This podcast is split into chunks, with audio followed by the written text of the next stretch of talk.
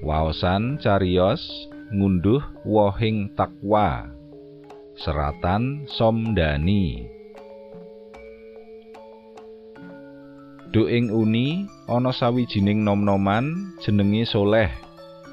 Jumbuh karo kelakuan lan tumindake kang tansah soleh. Nom-noman mau tansah bekti karo Gusti Allah. Nindakake dawuh-dawuhe lan tansah ngedohi sakabehing larangan-larangane. Semono uga marang wong tuane sakloron. Soleh tansah mbangun turut lan ngabekti. Apa pakone wong tuane mesti dilakoni kanthi ikhlas. Uga apa kang dilarang dening rama ibune mesti uga disingkiri.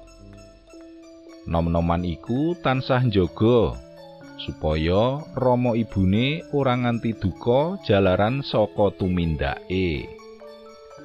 Nanging dudu jeneng menungsa menawa ing saklawase urip iki ora utawa durung tau nindakake kaluputan semono uga tumrap soleh senajan wis direwangi ngati-ati sakjroning ngayahi urip ing donya iki parandene kala mangsane meksa isih kesandung nalika semono soleh pinuju lumaku ngupaya kabutuhaning uripe.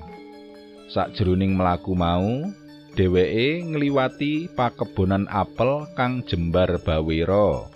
Duweke wong sugih sing manggon ing kutha. Ing kono mung ana wong sing ditugasake njaga kebon apel mau. Dumadaan tuwuh pepinginane soleh njupuk apel gogrokan kang akeh tinemu ing kono. dasar wetenge wis krasa luwe. Mula ora kanthi dipikir dawa, nom-noman iku banjur njupuk apel siji, banjur dipangan. Tratap atine soleh kumesar bareng kelingan tumindake iku luput. Njupuk barang liyan tanpa entuk palilah karo sing duwe. Dheweke banjur celingukan goleki mbok menawa sing duwe kebon apel ana kono. Ora adoh saka papane soleh njupuk apel mau, ana wong gedhe dhuwur tur brewok ngawasi marang dheweke. Soleh ngira iku mesti sing duwe kebon apel iki. Mula banjur diparani. Senajan katon angker, dheweke ora wedi. amarga niate pancen becik. Nuwun sewu, Pak. Kandhane marang wong iku. Nanging ora diwangsuli karo sing diaruh-aruhi. Soleh kepeksa kondo meneh. Tembunge luwih ngarah-arah. Nuwun sewu inggih, Pak. Menapa panjenengan ingkang kagungan kebon menika? Pitakone. nanging tetep durung diwangsuli. Apa wong iki ngerti yen soleh wis njupuk apele?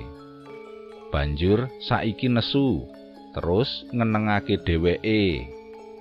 Mula niate nom-noman iku bakal langsung njaluk ngapura marang dheweke.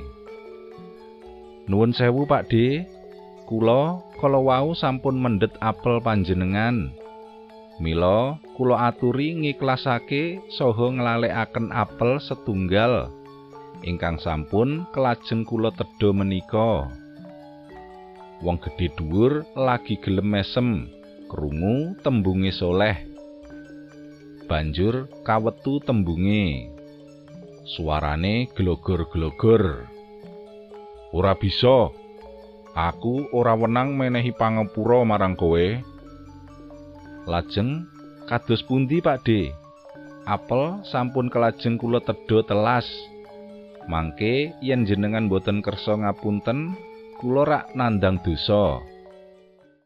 Para miyarsa, kados pundi cariyos candhaipun?